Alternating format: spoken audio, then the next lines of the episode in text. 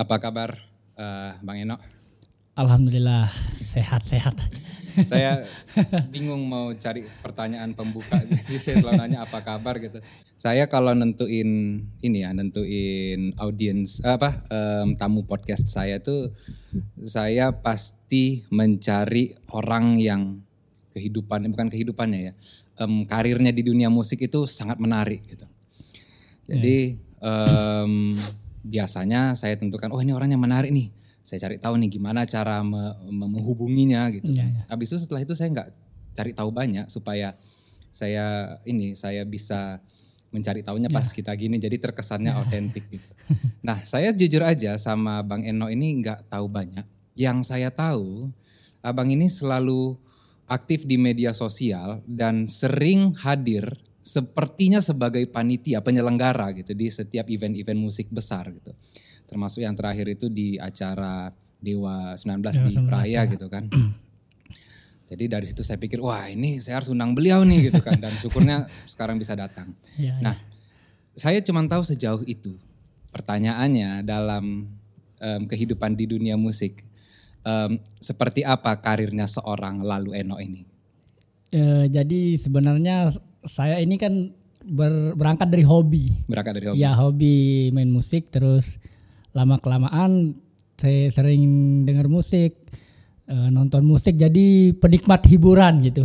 Penikmat, penikmat hiburan ya, ya. Penikmat konser lah iya, gitu iya, ya. Ya, ya seiring berjalannya waktu terus saya diajak sama temen di beberapa IO terlibat dalam event musik, uh, event komunitas dan juga yang saya geluti saat ini ikut terlibat di salah satu media sosial yang emang eh, selalu mempublikasikan kegiatan-kegiatan konser musik yang ada di Lombok. Mm-hmm. Ya, jadi ketika ada konser ya saya ikut terjun di sana terlibat untuk langsung liputan gitu kan, liputan terkait musik, eh, konser, baik itu konser artis nasional atau komunitas gitu ya. Jadi saya juga menikmati gitu. Ya menikmatinya ya ini loh dunia saya gitu kan. Oh, Hobi iya. jadinya iya, ya. Iya, iya. Ya seperti itulah perjalanan hmm. perjalanan singkatnya seperti itu. Uh, ngeliput ini seperti jurnalistik gitu? Uh, Menulis artikel gitu setelah Enggak sih. Ada timnya gitu. Uh, uh, ada timnya, ada yang jadi jurnalis. Saya hanya uh, sebagai liputannya itu hanya sepenggal-sepenggal video buat video-video oh. apa namanya yang jadi story gitu jadi video-video real kayak gitu jadi kayak apa ya, ya. istilahnya kayak dokumentasinya ya, dokumentasi lah gitu ya, ya oh. dokumentasi berarti kalau dibilang awal karirnya nih jadi ya. seperti jurnalis musik tapi bagian dokumentasi ya, kan ya. gitu ya um, udah ke mana aja di Indonesia atau di luar negeri mungkin kalau uh, saat ini masih di Lombok aja sih masih di ya, Lombok masih aja di ya? sekitar Lombok tapi ada beberapa tahun yang lalu udah pergi terlibat di acara yang di Bali. Di Bali? Ya Sonrenalin Sa ya tahun? Tahun 2018 oh. Ya tahun 2018 ya, ya.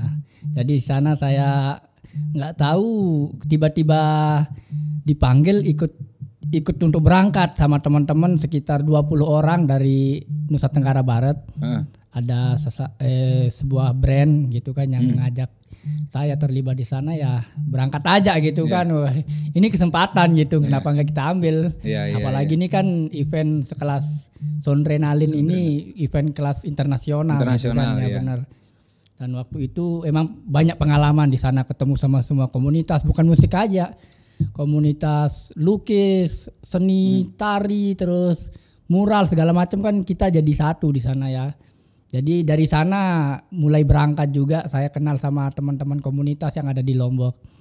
Nah, mulai kenal dari sana ya. Um, ini kan penikmat entertainment musik, ya. sering nonton konser. Ya. Sejauh ini apa konser yang paling berkesan?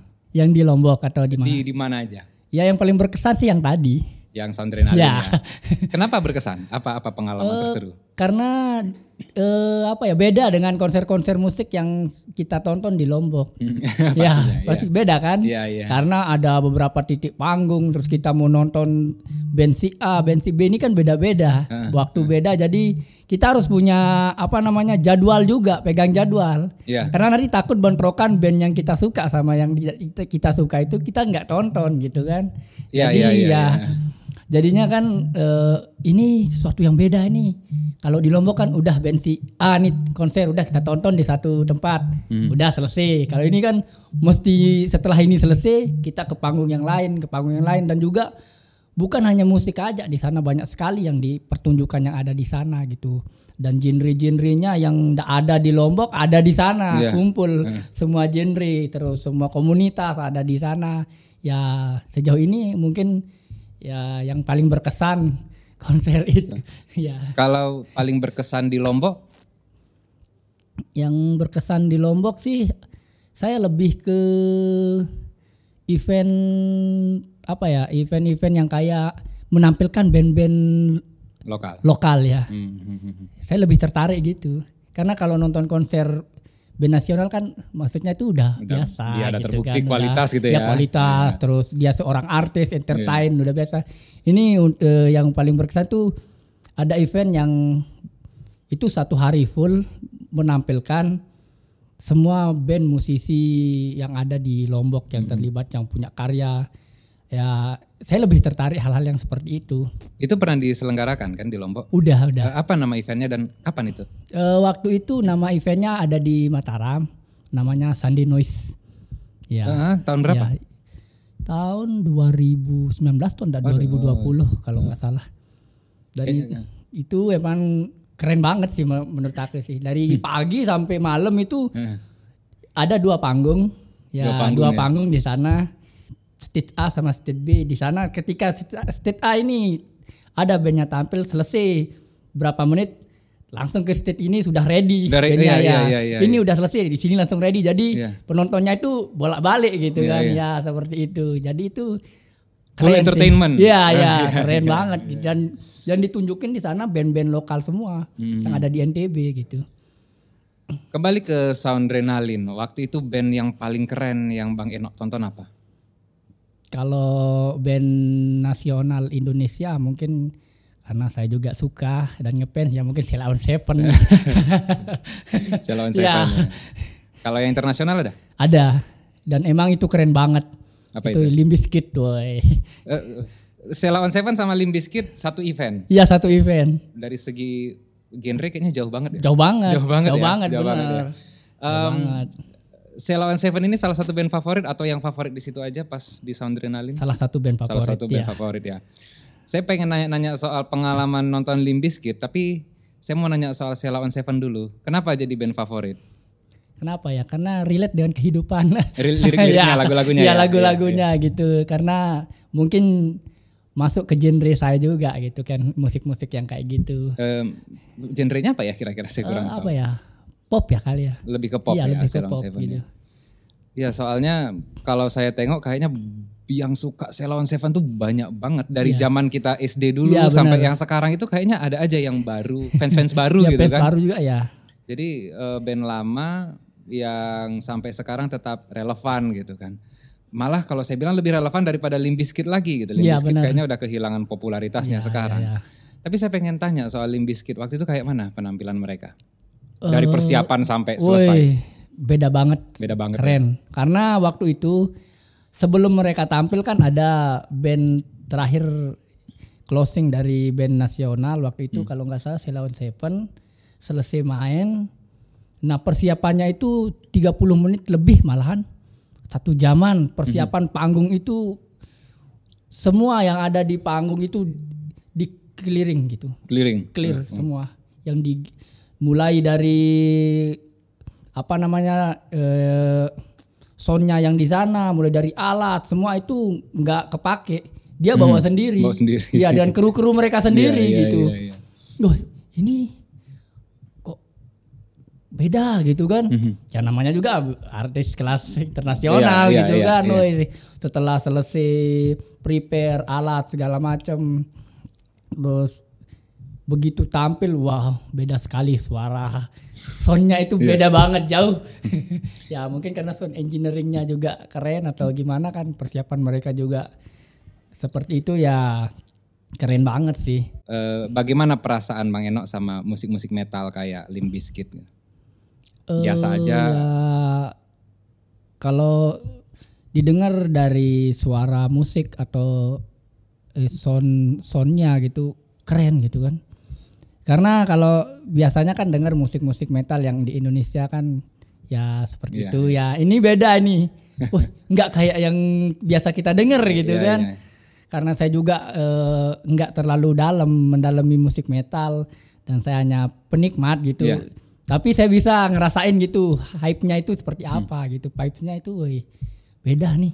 Berhasil dibuat loncat nggak? Iya berhasil. Berhasil ya? Iya benar walaupun eh, waktu itu eh, saya nggak menikmati musik seperti ini Iya. tapi kok bisa gitu Iya, ya iya, bisa. Wih ini asik loh gitu. bisa ngikut. Eh, sorry, eh, kalau band-band di Lombok em, dengan kualitas yang seperti di Sunday Noise kemarin em, terus ditingkatkan, bisa nggak mereka main di event kayak Soundrenalin? Ada nggak kira-kira band Lombok yang punya? Bisa. Bisa ya. Bisa ya. Ada karena beberapa band itu yang tampil saat itu ada yang sudah apa namanya eh, go Nasional. nasional, gitu kan. Jadi mereka cocok lah gitu tampil. Apa Event-event. kualitas yang mereka punya kok bisa sampai go nasional? Eh, mungkin dari segi musiknya terus skill dan apa ya eh, karya-karyanya juga banyak gitu kan karyanya banyak udah punya album segala macam dan udah eh, terlibat di Belantika musik di Lombok itu udah lama banget gitu kan ya itu mungkin yang bikin eh, dia bisa eh, ke Sondrenalin lah gitu. Tapi kan panggung Sondrenalin ini kan banyak. Ada yang panggung stit apa namanya gitu Iya, kan. iya, iya. ya bisa di mana pun yang penting bisa tampil gitu kan. Bahkan kemarin ada yang salah satu yang terlibat di Sunday Noise itu eh main di event apa namanya di Jakarta? Eh lupa saya itu kalau nggak salah pokoknya ada salah satu band pokoknya event di Jakarta itu event yang emang besar, Besar gitu ya. Dan ini band Lombok. Ya dan itu sana. band Lombok bisa sampai di sana Iya, iya, iya. dengan dikurasi band-band dari berbagai daerah Iya. dia termasuk lima besar masuk di sana Oh, gitu ya. Lima besar ya, lima berarti besar. sangat berkualitas. Iya ya. benar. Em, apa komentar yang bisa Bang Enok berikan terhadap Sunday Noise? Kita bicara soal Sunday Noise ini karena menurut saya dia representasi em, event-event di Lombok, event Iya, musik iya. di Lombok gitu. Kira-kira kalau ada yang bisa ditingkatkan dari event itu, kira-kira apa gitu? Mungkin kalau bisa ada setiap tahun aja gitu. Ada setiap tahun ya? ya. Iya. ya ada setiap tahun biar eh, apa namanya jadi motivasi teman-teman yang lain juga gitu kan. Hmm. Jadi ini loh panggung kalian ketika panggung apresiasi kalian di sini loh gitu ya. Tidak hanya sekedar mentok-mentok di sini, ini loh panggung besar kalian nanti ketika kalian sudah punya karya album apa atau apa gitu kan. Nanti nih panggung apresiasi apresiasi kalian di Lombok. Ya seperti itu kan. Sampai sekarang udah ada buat lagi Sunday Noise di Eh, tahun 2022. nggak ada. Belum ada Iya. ya. Hmm, soalnya kalau nggak salah saya ya eh, event paling besar musik ya di Lombok ini yang dia tidak dikelola sama manajemen yang nasional. Menurut saya ini menurut saya saya bisa Iya, salah. Em, ini punyanya lo tim Rocktober. Rocktober ya. Itu termasuk yang paling besar kalau Iya, menurut benar, saya ya. gitu kan. Dan kemarin itu saya nengok cuman ininya aja ya, cuman apa namanya em, sekilas dari story kawan-kawan saya nggak sempat datang waktu itu. Eh, penyajiannya cukup cukup bagus gitu. Em, pernah nonton Rocktober yang tahun lalu atau yang dua tahun lalu? Saya dari Oktober 1 nonton Sampai yang sampai yang ketujuh kemarin malahan yang ketu, keenam ketujuh kita terlibat di sana. Oh iya, ya eh, band band dari manajemen kita Ah. ikut juga gitu main di sana. Ya tapi yang saya emang Oktober itu juga termasuk salah satu event yang keren. Ya, tak lihat karena konsistensinya gitu dari dari Oktober 1, 2 sampai sekarang yang ketujuh itu masih jalan gitu. karena tak lihat komunitas eh, musik yang di sana mendukung banget gitu teman-teman yang di sana yang di Lombok Timur. Oktober keberapa yang paling keren? Eh, yang keren Atau semuanya keren? kayaknya semuanya, keren, sih ya. ya. Iya saya saya jujur Semuanya saya keren, ya, bener. saya gini, wow hebat dan Lombok Timur kan? Iya, bukan bener. bukan bukan di Mataram Iya, gitu bukan di kan. Jadi saya salut banget sama pengelolaan em, komunitas musik di Iya, Lombok Timur ini gitu. Nah waktu itu katanya terlibat ya Iya. di manajemen, eh, apa jadi Eh, panitia juga. Eh, enggak band band dari manajemen kita terlibat ikut eh, tampil di sana gitu di Band, acara oh. Oktober ini si Ladies First, Ladies First. sama Titik Temu Dua-duanya main di main? Oh. sana gitu. Mulai dari Oktober 6 sama Oktober 7 udah terlibat main di sana. Gimana rasanya em, suasana main di sana? Gitu? Eh, kalau suasana sih mungkin lebih bisa yang menjawab yang main aja, yang main gitu kan. Sebagai manajer ya kalau saya sebagai manajer sih sangat berterima kasih dan sangat luar biasa gitu karena mereka eh, apresiasinya itu woi, bagus sekali ke kita kita band-band yang emang berkarya gitu kan. Iya. Karena di Oktober ini emang yang ditampilkan tuh band-band yang berkarya. Band yang berkarya. Iya, yang berkarya. Konsistensinya juga dilihat. Oh. Konsistensi band. Ya, misalnya kayak si si ini, lihat konsistensinya udah karyanya sampai mana ya bisa dikatakan eh, dilihat dari sana siapa klasi- klasifikasi yang mau tampil di acara Oktober itu. Berarti ada prosesnya juga ya memfilter band. Iya, memfilter bandnya gitu. Berarti kalau memang ada filternya dan fakta bahwasannya titik temu sama eh, Ladies First bisa masuk, berarti klasifikasi band kelolaannya Bang Eno ini termasuk berkualitas juga dong. Ya, bisa dikatakan begitu. Kita bicara soal Ladies First dulu. Iya, iya. iya. Em, saya tahu sedikit banyak soal band Iya. ini ya. Em, anggotanya cewek semua. Cewek semua. Dan em, sempat jadi band pembuka Dewa di peraya bulan Oktober ya itu. Oktober kalau nggak November ya saya lupa. Hmm, ya, Oktober. Oktober ya, ulang Oktober. tahunnya Iya, iya. Lombok, Lombok Tengah. ya? Kapan pertama kali dibentuk dan benar nggak Mbak cerita-cerita yang katanya yang bentuk emang dari Bang Enok sendiri? Hmm, jadi Ladies First ini sebenarnya udah lama. Udah lama. Terbentuknya itu sekitar 2018. Oh lama. Iya. Iya 2018 dari tongkrongan dan dari komunitas. Kita kan ada komunitas di di sana di Mantang. Di Mantang. Ya. Jadi kita berbagi sharing lo terus dia mau ikut di komunitas kita dan pengen belajar gitu. Pengen belajar main musik. Ya udah kita ajarin tes tes tes tes seiring berjalannya waktu dia pengen ngeband ya tak buatin apa namanya wadah gitu kan ke mereka. Setelah itu lama-lama lama dah bentuk band aja lah gitu. Apa namanya tes tes tes muncul ladies first gitu. Karena ini cewek. Ber- pertama itu mereka per- personilnya itu bertiga. Hmm. Iya bertiga. Mhm. Eh, ada Elin, terus Mila sama Wila namanya. Ya sebelum eh, berjalan sampai sekarang. Iya, iya. Jadi singkat waktu tes karena kesibukan apa sekolah waktu itu mereka masih sekolah. Ada yang sekolah ke sana ke sini jadi apa break gitu kan. Mhm. Ya, 2018 2019 vakum. Terus 2020 udah mulai tak ajak-ajak lagi, ayo tak semangatin gitu kan, ayo coba eh, bangkit lagi. Akhirnya tes, tes vokalisnya udah nggak mau apa namanya ya ya bisa dikatakan keluar gitu Ya. kan. Kita nyari vokalis lagi. Oh. Ya, cuman yang ada dua ini, tapi tetap tak semangatin. Tetap ketemu vokalis lagi. Eh, udah buat karya, udah ada lagu. Terus sekitar 2020, set, set, set. lagi problem lagi terjadi. Si vokalisnya keluar lagi gitu.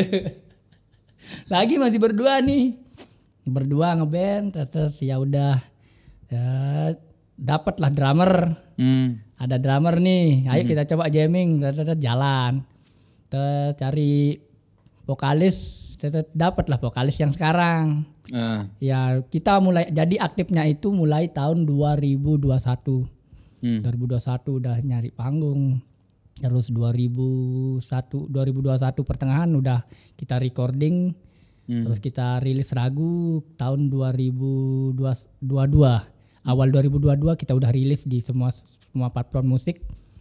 Nah, jadi mulai dari sana di 2022 2021 2022 itu udah mulai aktif di Spurs ini. Jadi prosesnya itu sebenarnya panjang sebenarnya tapi ini singkatnya gitu kan. Iya, iya, iya. Yang namanya cewek banyak problematika wah. Capek juga sih sebenarnya Iya, tapi ya karena hobi juga ya itu yang bikin saya semangat gitu kan.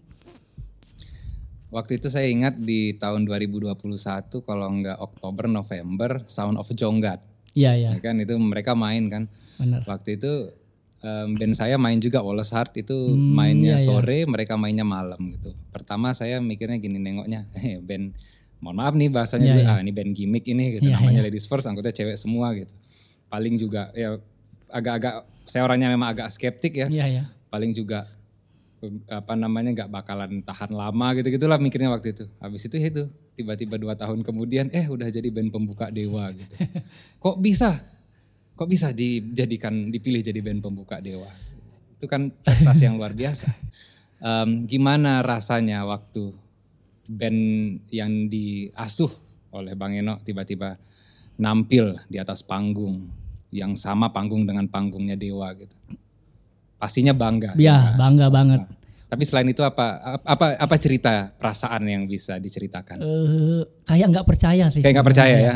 Kenapa kita nih bisa dikatakan baru lah gitu kan. Mhm. Baru nih tapi kok kita dipercaya gitu tampil di panggung yang sekelas nasional Iya. dan besar apalagi nih kan sekelas Dewa 19 Iya. kita jadi band pembuka kayak nggak percaya aja gitu itu yang bikin kita tambah semangat ini hasil dari proses kita yang selama bertahun-tahun itu.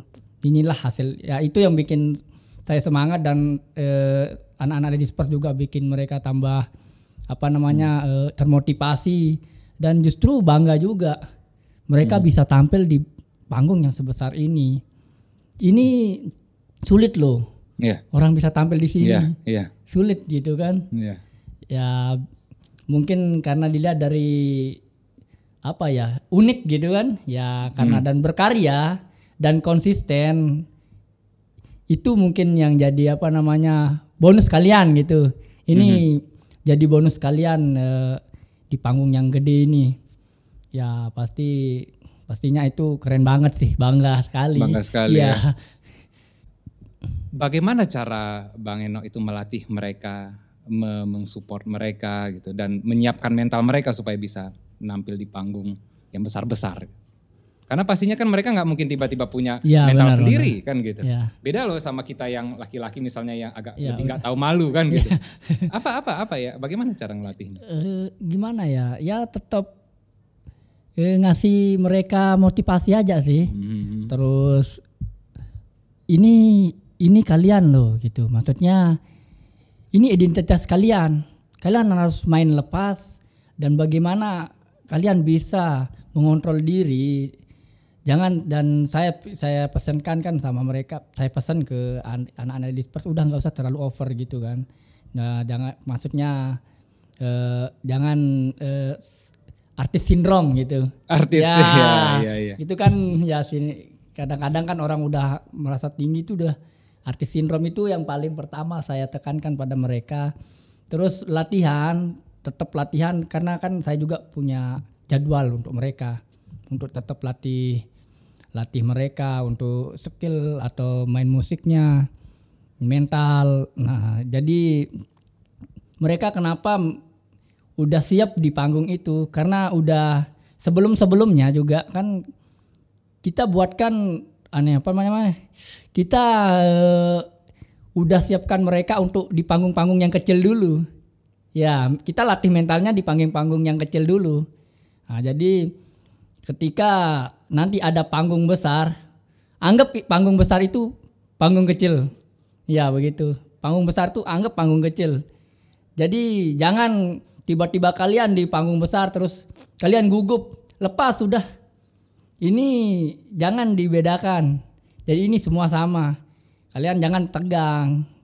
Jangan eh, terlalu memikirkan hal-hal yang tidak bikin kalian konsentrasi di atas panggung udah lepas aja gitu.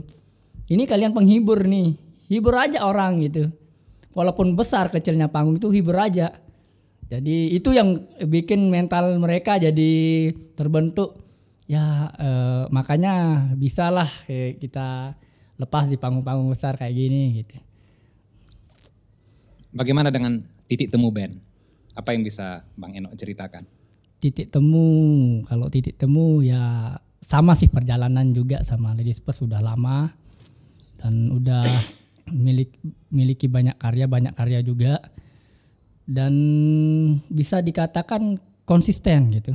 Konsisten. Ya, konsisten dalam artian berkarya, terus latihan segala macam konsisten konsisten banget gitu lah. Apa apa apa yang spesial dari band ini? Pastinya eh, semua band punya sesuatu yang membuat mereka spesial sehingga layak untuk di manage dan layak untuk dibesarkan. Oke. mungkin spesialnya dari musiknya sama karyanya. Ya, dia musiknya itu eh kayak ada etnik unsur-unsur etniknya gitu. Itu yang bikin dia unik dan spesial di titik temu ini. Beda dengan band yang lain yang musiknya kan biasanya kan kita dengar kayak gimana kalau ini ada unsur etniknya. Dia masukkan unsur etnik di musik-musik mereka, ada instrumen-instrumen kayak seruling gitu. Oh, Masuk di sana. Mungkin kalau didengar ya mungkin Bang Fuad dengar mungkin bisa dinilai lah gitu. Di mana letak uniknya titik temu ini iya gitu iya ya. iya. Pastinya kan kita harus mengenalkan sama audience, ya kan? B- eh, misalnya kayak Slipknot nih, misalnya Iya, Slipknot kan. Em, pada akhirnya kan mereka dikenal karena topengnya. Itu dulu Iya, yang paling iya, iya. pertama. Mereka dikenal pada sama topengnya. Habis itu secara natural eh, mereka juga membentuk fans dan mereka sebut nama fansnya itu punya istilah lah gitu kan, maggot mereka Iya, manggilnya kan. Ini kan hubungan antara band dan eh, fans yang tidak terbentuk begitu saja gitu. Em, saya yakin sedikit banyaknya si manajer pun terlibat di situ memainkan strategi marketing kan untuk mengha- menghasilkan hubungan yang kayak gitu gitu loh. Nah, kira eh, Bang Eno pernah nggak melakukan itu gitu? Eh, sebagai manajer berusaha untuk membentuk hubungan antara fans dengan artis. Itu sebenarnya yang sangat sulit. Maksudnya nggak sangat eh, sulit lah gitu dalam artian kita di sini punya genre masing-masing. Mhm, ya pastinya. penikmat penikmat musik masing-masing. Jadi un- untuk maksain orang eh, suka sama genre musik kita kayak gini kan nggak bisa gitu kan. Ya. Nah ini yang harus harus kita benar-benar berpikir gimana caranya kita menarik masa untuk aliran musik yang yang saat ini kita pegang gitu kan. Tapi udah strategi-strategi kayak gitu sih masih kita pikirkan kayak gimana kita menembak masa. Aha. Ya, tapi saat ini saya masih berpikir udah karya berkarya aja dulu. Nanti akan menemukan penikmatnya sendiri. Karya dulu nanti penikmat sendiri yang datang ketika dengar musikmu, oh ini keren. Berarti dia suka sama genre musik yang seperti itu. Ya udah. Ya, saat ini masih fokus ya silahkan kar- berkarya lah gitu kan. Em, saya nggak tahu nih band selain titik temu sama Ladies First yang pernah ada nggak band lain yang di, pernah dikelola? Saat ini masih Masih bedu- dua itu aja dua ya? itu aja.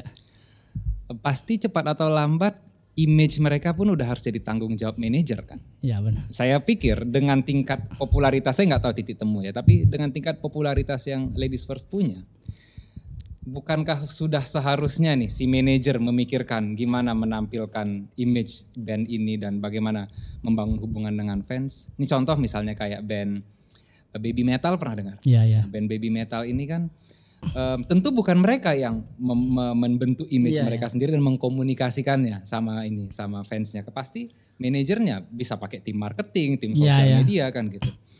Em, ya di satu sisi saya pengen nanya ada nggak strategi untuk itu, tapi di sisi yang lain em, saya saya berbicara sebagai fans ya, sebagai fans musik. Di, di satu sisi yang lain, saya pikir eh, Bang Eno sudah harus melakukan itu gitu, karena ini biar makin besar. Ini band ini sudah berada di jalur yang pas ini untuk besar ini. Apa pandangan? Eh, kalau saya sih emang harus seperti itu. Emang emang harus nih. Iya. Uh, makanya strategi-strategi dari media sosial bikin gimmick segala macam Iya. itu kan strategi juga kan. Iya, iya. Ya di medsos, di Instagram segala macam sih tetap aktif gitu, tetap Iya. apa pun kegiatan eh, si band ini harus kita publikasikan Iya. sebagai gimmick juga kan. Jadi orang bakalan bisa tertarik nanti oh ini gimana sih? Kok tetap tetap posting nih, tetap ada kegiatannya setiap hari. Itu Iya. yang bikin orang tanda tanya. Ya, tapi tak lihat eh, dari media sosial Mhm. emang respon orang itu eh, bagus sih, bagus Iya, gitu kan iya. ya. Itu kan hal-hal yang seperti itu juga termasuk strategi marketing juga kan. Eh, makanya te- tetap tak eh, apa namanya tak cek di medsosnya Ladies First itu respon orang-orang. Responnya sih apa namanya bagus-bagus Iya. gitu kan. Ada yang komen, ada yang kasih kritikan, saran segala macam. Ya, oh orang ini tertarik nih. Ya kan? Ya, jadi gi- bikin gimmick gitu Iya. kan, bikin gimmick, gimmick terus biar orang jadi tanda tanya sama band ini. Dia yang bikin menarik, wah menarik nih ada sesuatu Mhm. dari band ini ya. Mungkin itu juga strategi marketing. Marketing juga ada sih strategi yang lain juga mungkin yang masih belum bisa di masih yang belum saya jalankan udah Bukan ada belum bisa ya. diceritakan ya? Ya, belum yang belum saya jalankan dan mungkin untuk dipublikasikan juga mungkin belum saat ini Belum, gitu iya, kan iya, ya iya, belum iya. saat ini ada strategi strategi khusus tapi itu belum saat ini untuk bisa tak publikasikan dulu Ya, memang saya pikir Ya. jangan diceritain juga karena Ya, kan ya. banyak nih manajer-manajer lain ini yang pengen bandnya besar kan gitu. benar Terlepas dari status mereka sebagai cewek, mereka adalah ladies first ya, adalah entertainer yang cukup baik gitu. Saya pertama kali jumpa sama mereka, cocok kalian jadi band populer dibanding sama musisi cowok yang lainnya, Iya, termasuk iya. sama saya gitu. Gaya mereka keren sendiri gitu. Jadi ya hal yang banyak saya sebagai musisi ya, eh, banyak kami lewatkan adalah lupa bahwasanya musisi itu pada akhirnya kalau mau besar dia adalah menjadi entertainer dulu, baru menjadi musisi setelahnya gitu kan. Kira-kira em, ada pandangan sama yang saya bilang ini? Hmm, tak baca sih mungkin eh, apa ya Eh, mungkin beda-beda orang mungkin beda-beda cara ngelihat Iya. kan ya tapi bang Fuad yang sebagai seorang musisi ngelihat eh, ladies first saat ini aja udah tertarik gitu kan Iya. udah tertarik udah oh ini cocok nih dia bisa membranding dirinya sendiri Iya, gitu kan iya, bisa iya. membranding dirinya sendiri. Itu yang bikin tertarik Iya. salah satunya kan. Iya. Ah, mungkin beberapa orang yang yang biasa nih kadang mereka eh karena cewek. Nah, itu salah satu juga. Iya, tapi kan kenyataannya emang seperti itu. Iya, karena sulit loh menemukan eh, band cewek yang seorang cewek yang mau ngeband gitu. Sulit sulit. Iya. sulit banget. Apalagi kita yang ngatur nih cewek ini sulit banget gitu kan Saya no Itu- comment. Iya. itu yang bikin apa namanya? eh, salah satu daya tarik juga kan. Jadi Iya. sebagai Bang Fuad sebagai musisi saya baca ya ini keren loh. Mhm. Dari segi karya mereka ngebandnya, personilnya cewek, terus outfitnya, terus dari segi brandingnya mereka ya bisa dikatakan mereka ini udah j- eh, bisa entertainer jadi masuk entertainer gitu kan. Mhm, Ya, iya. ya seperti itu. Oke, pernah nggak jadi musisi? Saya Nah, pernah. kapan dan apa alirannya, apa alat yang dipegang? Sebenarnya saya banyak aliran bang, karena mungkin labil ya. Waktu itu zaman SMA pertama saya main musik itu punya band alirannya popang. Oh, ya, keren. popang. SMA tahun berapa? Ya, sekitar tahun 2009. SMA tahun 2009 ya. Ya, main popang dulu sampai punya lagu juga, udah ada Oh, karya. Iya, iya. Nah, ya, sering berjalannya waktu, tet- tet- tet, udah nggak ngeband lagi, pengen lagi, bentuk band lagi. Mhm. Ada band dulu, saya sama teman-teman juga, udah ada karya juga, Hmm. udah punya dua lagu, udah bubar gitu. Setelah itu lama-lama lama-lama mikir lagi, bentuk band lagi. Namanya eh, waktu itu Aksara. Aksara. Ya, ya nama band saya Aksara udah punya karya juga gitu kan. Uh, uh, Waktu itu tahun-tahun berapa ya? 2021 kalau nggak Oh salah. iya, kayaknya saya pernah tahu itu band Aksara. Udah satu panggung kok sudah maksudnya Udah ya? udah tampil satu waktu acara apa nih di Peraya itu? Yang live. Oh Ya. iya 2021 itu Iya, ya. 2000 Iya iya 2021. iya Aksara iya iya. Ya, saya juga juga tampil di sana. Saya Iya. masih jadi seorang musisi, jadi Ah. player. Ya, akhirnya kenapa kok ngerasa udah cukup lah saya jadi musisi ini. Cu- Bukan maksudnya cukup jadi musisi, cu- cukup ngeband gitu. Cukup cukup lah saya ngeband. Mendingan saya udah di balik layar aja ngurus teman-teman ini, ngurus teman-teman yang berkarya kayak Lady Sports kayak gitu ya. Palingan kalau main musik jamming terus. Kalau ada yang ngajak gitu baru. Kalau mau bentuk band kayaknya saat ini saya masih enggak dulu Enggak lah ya gitu, gitu ya. enggak dulu. Iseng-iseng aja lah. Mendingan saya dari belakang aja support teman-teman ini. Kenapa? Maksudnya gini, saya pribadi saya pribadi jelas lebih milih sebagai pemain daripada main di belakang layar. Kok Bang Eno punya persepsi yang berbeda? ya gini ya apa namanya mungkin karena sudah ngerasain namanya seorang musisi jadi seorang anak band. Keren sih keren. Cuman lama-lama kok eh, bisa membentuk eh, saya terbentuk ketika udah selesai apa namanya udah nggak ngeband lagi karakter saya mulai terbentuk. Saya pengen jadi manajer gitu. Oh iya iya. iya. coba saya memanage karena kasihan banyak sekali band-band yang terbengkalai gitu. Hmm, Maksudnya kalau nggak di manage secara bagus, mereka nggak bisa gitu. Mereka akan mentoknya sampai di sini aja. Saya ber- berpikir seperti itu ya udah. Kenapa tidak? Saya yang bangun eh, teman-teman ini dari belakang, dorong mereka untuk ke menyemangati mereka gitu ya. Saya coba dan akhirnya itu jalan dan saya nikmatin sampai saat ini. Mana lebih enak sebagai manajer atau sebagai musisi? Lebih enak jadi manajer. Iya ya. Iya. tapi capeknya juga ada gitu. Ya, tapi Ya. kan menikmati nih ya, kan ya, gitu. saya menikmati. Saat ini menikmati. Ketimbang jadi player gitu. Ada nggak sosok manajer yang jadi inspirasinya Bang Eno? Eh kalau manajer sih nggak ada sih sebenarnya. Nggak ada ya. Iya. Datang sendiri aja Iya, datangnya gitu. sendirinya aja gitu. Kok Hmm. tiba-tiba pengen gitu jadi di balik layar se- sebuah talent gitu kan. Hmm, hmm. Em, sebelum ada nama sebelum jadi manajer ini saya nggak tahu persis, nggak tahu sama sekali sama yang namanya seorang lalu Eno. Iya. Tapi sebagai manajer pas jadi manajer banyak-banyak main di belakang layar, oh saya jadi tahu kan begitu. Iya, iya. Em, saya merasa berkembang pesatnya justru setelah jadi manajer. Merasakan itu juga nggak gitu? Sebagai di dalam dunia musik nih misalnya. Eh, ya juga sih. Ya. Ya karena udah apa namanya merasa sukses aja ngelihat eh, band yang kita manage itu besar dan udah dikenal banyak orang, dikenal banyak orang dan manggung di beberapa event. Jadi kita udah puas gitu, merasa bangga dan puas kalau udah lihat anak didik kita lah istilahnya Iya. ya, udah berada di titik yang saat ini gitu kan. Mhm. Wah, saya me- merasa sangat eh, apa ya? Enaknya di sini, Enak, titik ya. saya di sini Iya, gitu iya. ya. Kok eh, ngerasa jalan aja dengan profesi saya yang saat ini yang sekarang gitu.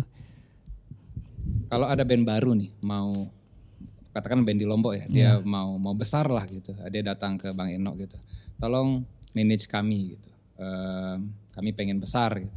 Katakanlah alirannya jangan popang ya, yang agak asing dikit. Misalnya kayak em, apa ya, jangan indie. Indie indie udah agak rame. Iya. Pa- eh, hardcore pun banyak ya di Lombok ya. Iya, iya. Apa ya kita bilang ya? Em, pop alternatif alternatif metal gitu. Band kayak kalau pernah dengar namanya Breaking Benjamin. Nah itu band alternatif metal atau band kayak ya itu salah satunya. Em, mereka pengen nih di manage gitu. Mereka punya aliran yang nggak umum em, tapi mereka punya semangat gitu. Kira-kira di bagian apa yang pertama kali Bang Enok manage di band ini? Pertama kan tak lihat dulu eh, eh, orangnya kayak gimana gitu kan. Orangnya. Eh, ya, terus tak lihat gimana eh, apa namanya? Gimana jati diri mereka, Jati gimana diri. ya gimana apa namanya? eh ini loh. anu apa namanya istilahnya ini Identitas mungkin? ya identitas mereka karena kan kita juga harus pelajari pelajari karena kan kita kan belum tahu orangnya itu kayak gimana. Kenapa saya eh, memanajeri yang dua ini? Karena kita sudah lama udah tahu orangnya itu kayak gimana tingkah laku dan segala macam itu kan udah kita tahu orangnya. Nah ketika ada orang baru kita harus pelajari dulu. Be- terlepas dari genre musiknya ter- ter- terserah musiknya metal pop atau apa tapi mau nggak orang ini diatur gitu karena kadang ada orang yang ego yang keras kan. Kalau nggak mau diatur ngapain kita manage gitu kan? Kan yang namanya me- manajer ini memanage, Memanage. iya memanage orang. Nanti ada salah satu personil mereka yang nggak mau diatur egonya. Kan buat apa gitu kan? Nggak jalan nanti dengan visi misi kita nanti Iya, sebagai manajer juga. Iya, iya. Nah, itu yang harus kita perhatikan juga dari orang ini. Jadi nggak nggak semudah itulah harus eh, beradaptasi dulu sebelum kita pegang, sebelum kita memanajer memanajeri memanajeri band ini harus kita beradaptasi dulu. Gimana orangnya, terus gimana eh, perkembangannya dia sebelum apa namanya sebelum masuk ke kita. Kita harus baca dulu kan kondisi mereka sebelum sebelum masuk ke kita itu seperti apa. Ya perlu tahu juga kan. Perlu kita riset juga band ini gimana awalnya nah nanti takutnya oke lah sekarang dia pengen oke tetetet tapi nanti ada beberapa yang bikin ya, nggak bisa jalan karena egonya itu karena kan egonya. nggak bisa diatur nih. Salah satu contoh misal jam 9, jam 10 kita latihan. Terus ada yang nggak bisa, yang ini, ini kan kita udah jadwalin. Ta- kalau terus seperti ini nggak ada jadwal, nggak ada waktu untuk latihan, terus nggak terus ngerasa diri diatur, kan buat apa gitu kan? Yang namanya manajemen kan kita harus ngatur mereka gitu. Kita yang ngatur strategi, atur jadwal latihan, jadwal kumpul dan untuk membranding mereka kan kita semua yang ngatur nanti. Kalau nggak udah nggak mau diatur kayak gitu buat apa gitu kan? kita aja yang capek Iya. nanti kita aja yang jadi sakit hati atau Iya, apa iya, gitu. iya. Karena si yang dua band ini kan kita udah lama, kita udah tahu Hmm. gimana orangnya dari awal kita berkomunitas terbentuk. Jadi kita sudah chemistry kita sudah dapet. Ya, Mana yang lebih susah nih? Nggak berbakat atau nggak bisa diatur? nggak bisa diatur. Nggak bisa diatur ya. Kalau berba- kalau nggak berbakat masih bisa, Bisa dibuat. ya, dibuat. Iya, iya, iya. Karena pada dasarnya ladies first juga begitu. kita ajar dia Kita gitu ajar, ya, ya. kita ajarin gitu. Hmm, hmm, hmm, hmm. Kalau udah bisa diatur, ya kalau nggak berbakat nggak bisa kan bisa kita ajarin gitu kan. iya, iya, iya, iya. Ada ini eh pertanyaan kok tapi saya kok tadi udah saya simpan nih. Pertanyaannya ini harus saya tanya soalnya ini pertanyaannya pertanyaannya keren. Sebenarnya bukan pertanyaan, setengah pertanyaan, setengah pernyataan. Saya pengen nyatakan begini, tapi tolong dikoreksi ya. Bahwasanya manajer ini bukan hanya tentang memanage mereka sebagai band, tetapi tentang memanage kepribadian mereka juga. Iya. Ya kan gitu. Tadi kayak misalnya harus kenal dulu gitu kan. harus udah lama tahu gitu dan mengetahui kepribadiannya masing-masing kan gitu. Benar nggak pernyataan saya ini? Ya benar juga sih. Ya soalnya kebanyakan saya selalu mikir gini. em, manajer ini gampang lah gitu, mudah gitu. Ya, saya mohon maaf loh ya, saya bukan manajer, jadi saya mikirnya Kelihatannya. gitu kan, Ya kan gitu. Eh, apa namanya? Apa em, dia cuma ngatur jadwal gitu kan, habis itu nanti lobby-lobby ke sana untuk cariin Ya, cariin panggung, gitu kan ya. Tapi bagi saya ini baru bahwasannya ya harus ada juga kedekatan emosional, harus Ya. saling mengerti kan gitu ya. Jadi memang manajer ini pun juga nggak bisa asal milih band yang mau dia Ya, manage ya gitu ya. Em, jadi ini ini ini eh, saya pengen tahu eh, pandangannya Bang Eno di sini. Bahwasanya aliran apa saja bisa di manage. Eh, eh, sorry kalau bahasa saya agak Iya, iya, iya. tebak. Karena karena saya ngerasa gini, band metal kok susah ya, Ya. gitu kan. Tapi mungkin mungkin eh, intinya adalah gini ya. Kebanyakan band metal terlalu indie gitu, mungkin ya, mungkin terlalu indie tidak mencari manajer gitu kan. Ah, tapi payahlah cari manajer gitu. Karena kan kita band metal, kita susah dapat audiens ini Ya. pikiran saya pribadi. Tapi dari cerita ini saya pikir gini, mau band metal mau apa kayak gitu, bisa kok di manage kan gitu ya. Iya, kan benar. ya? Yang penting mau aja gitu. Iya, yang penting mau. Uh, semua semua aliran musik bisa di manage gitu. Bukan band pop, band rock, apa metal juga, punk juga bisa gitu. Asal mereka mau mau diatur itu aja sih sebenarnya.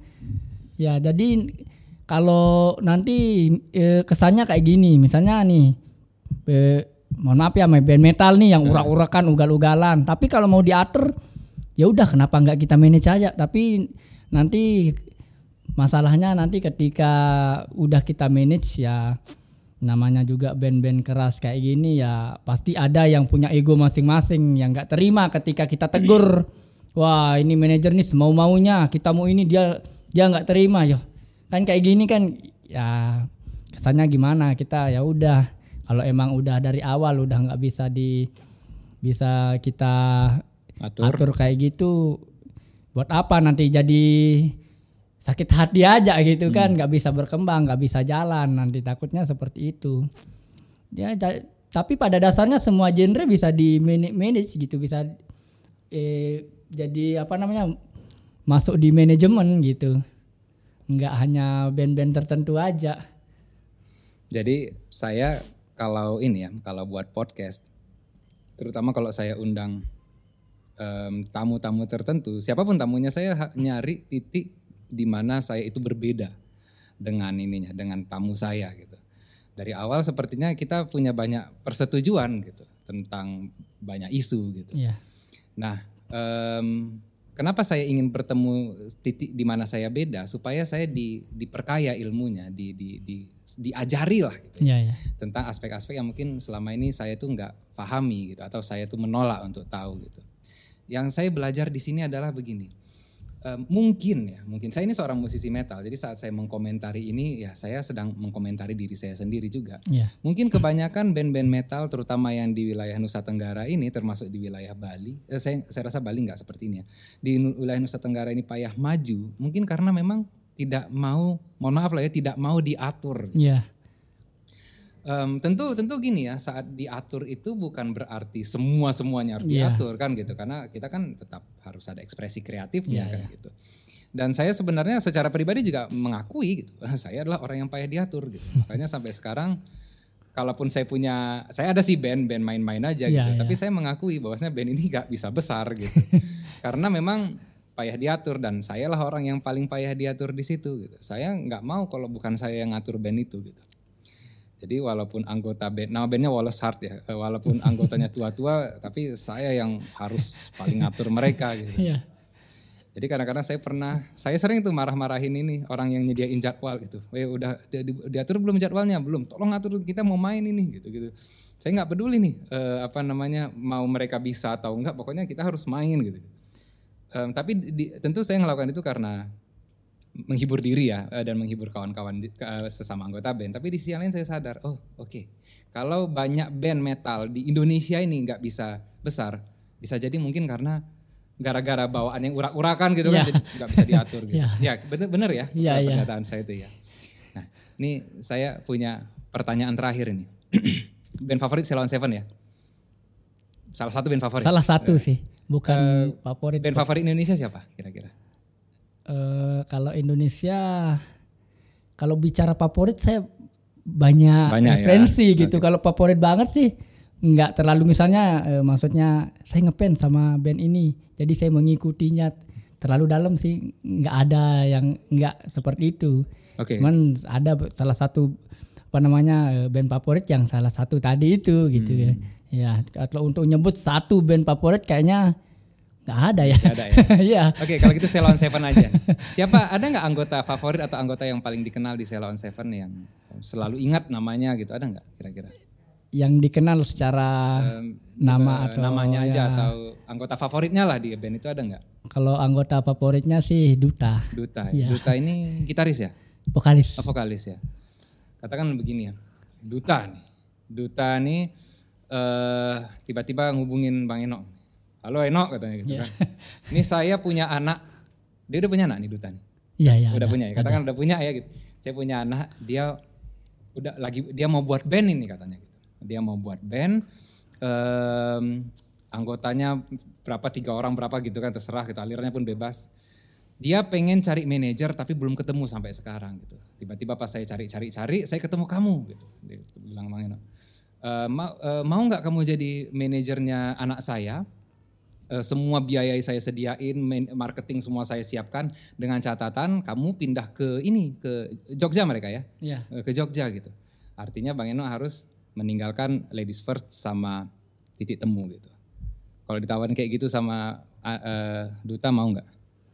Ya kalau seperti itu mungkin saya lebih anu dulu, fokus di sini dulu. Mm-hmm. Fokus membesarkan band-band Lombok dulu. Karena kalau di berpikirnya misalnya kalau di Jogja itu mungkin cepat mereka jadi terkenal, jadi artis karena apalagi faktor orang tua, faktor yeah. ya karena orang tuanya udah jadi artis nggak mesti apa namanya capek-capek. Nah perjuangannya itu wah, apa ya nggak nggak ada perjuangan gitu jadi uh, perjalanannya itu nggak ada uh, apa namanya nggak ada tantangan. Gak ada tantangan. Iya, ya. jadi mending udah kita nyoba di sini berproses. Proses itu yang saya pengen apa namanya jalanin sama adik-adik yang di sini dan pengen sekali band-band yang ada di Lombok juga bisa bersaing sama orang-orang nasional di sana. Yang gitu. di Jawa. Iya, ya. yang di Jawa. Mungkin lebih fokus di sini dulu. Ya, karena jauh dari keluarga juga. Ya udah di sini aja dulu gitu kan memanage anak memanage anak-anak yang ada di Lombok. Bang Eno percaya kalau anak-anak band-band anak-anak di Lombok ini di manage dengan baik mereka akan bisa bersaing dengan band-band di Jawa?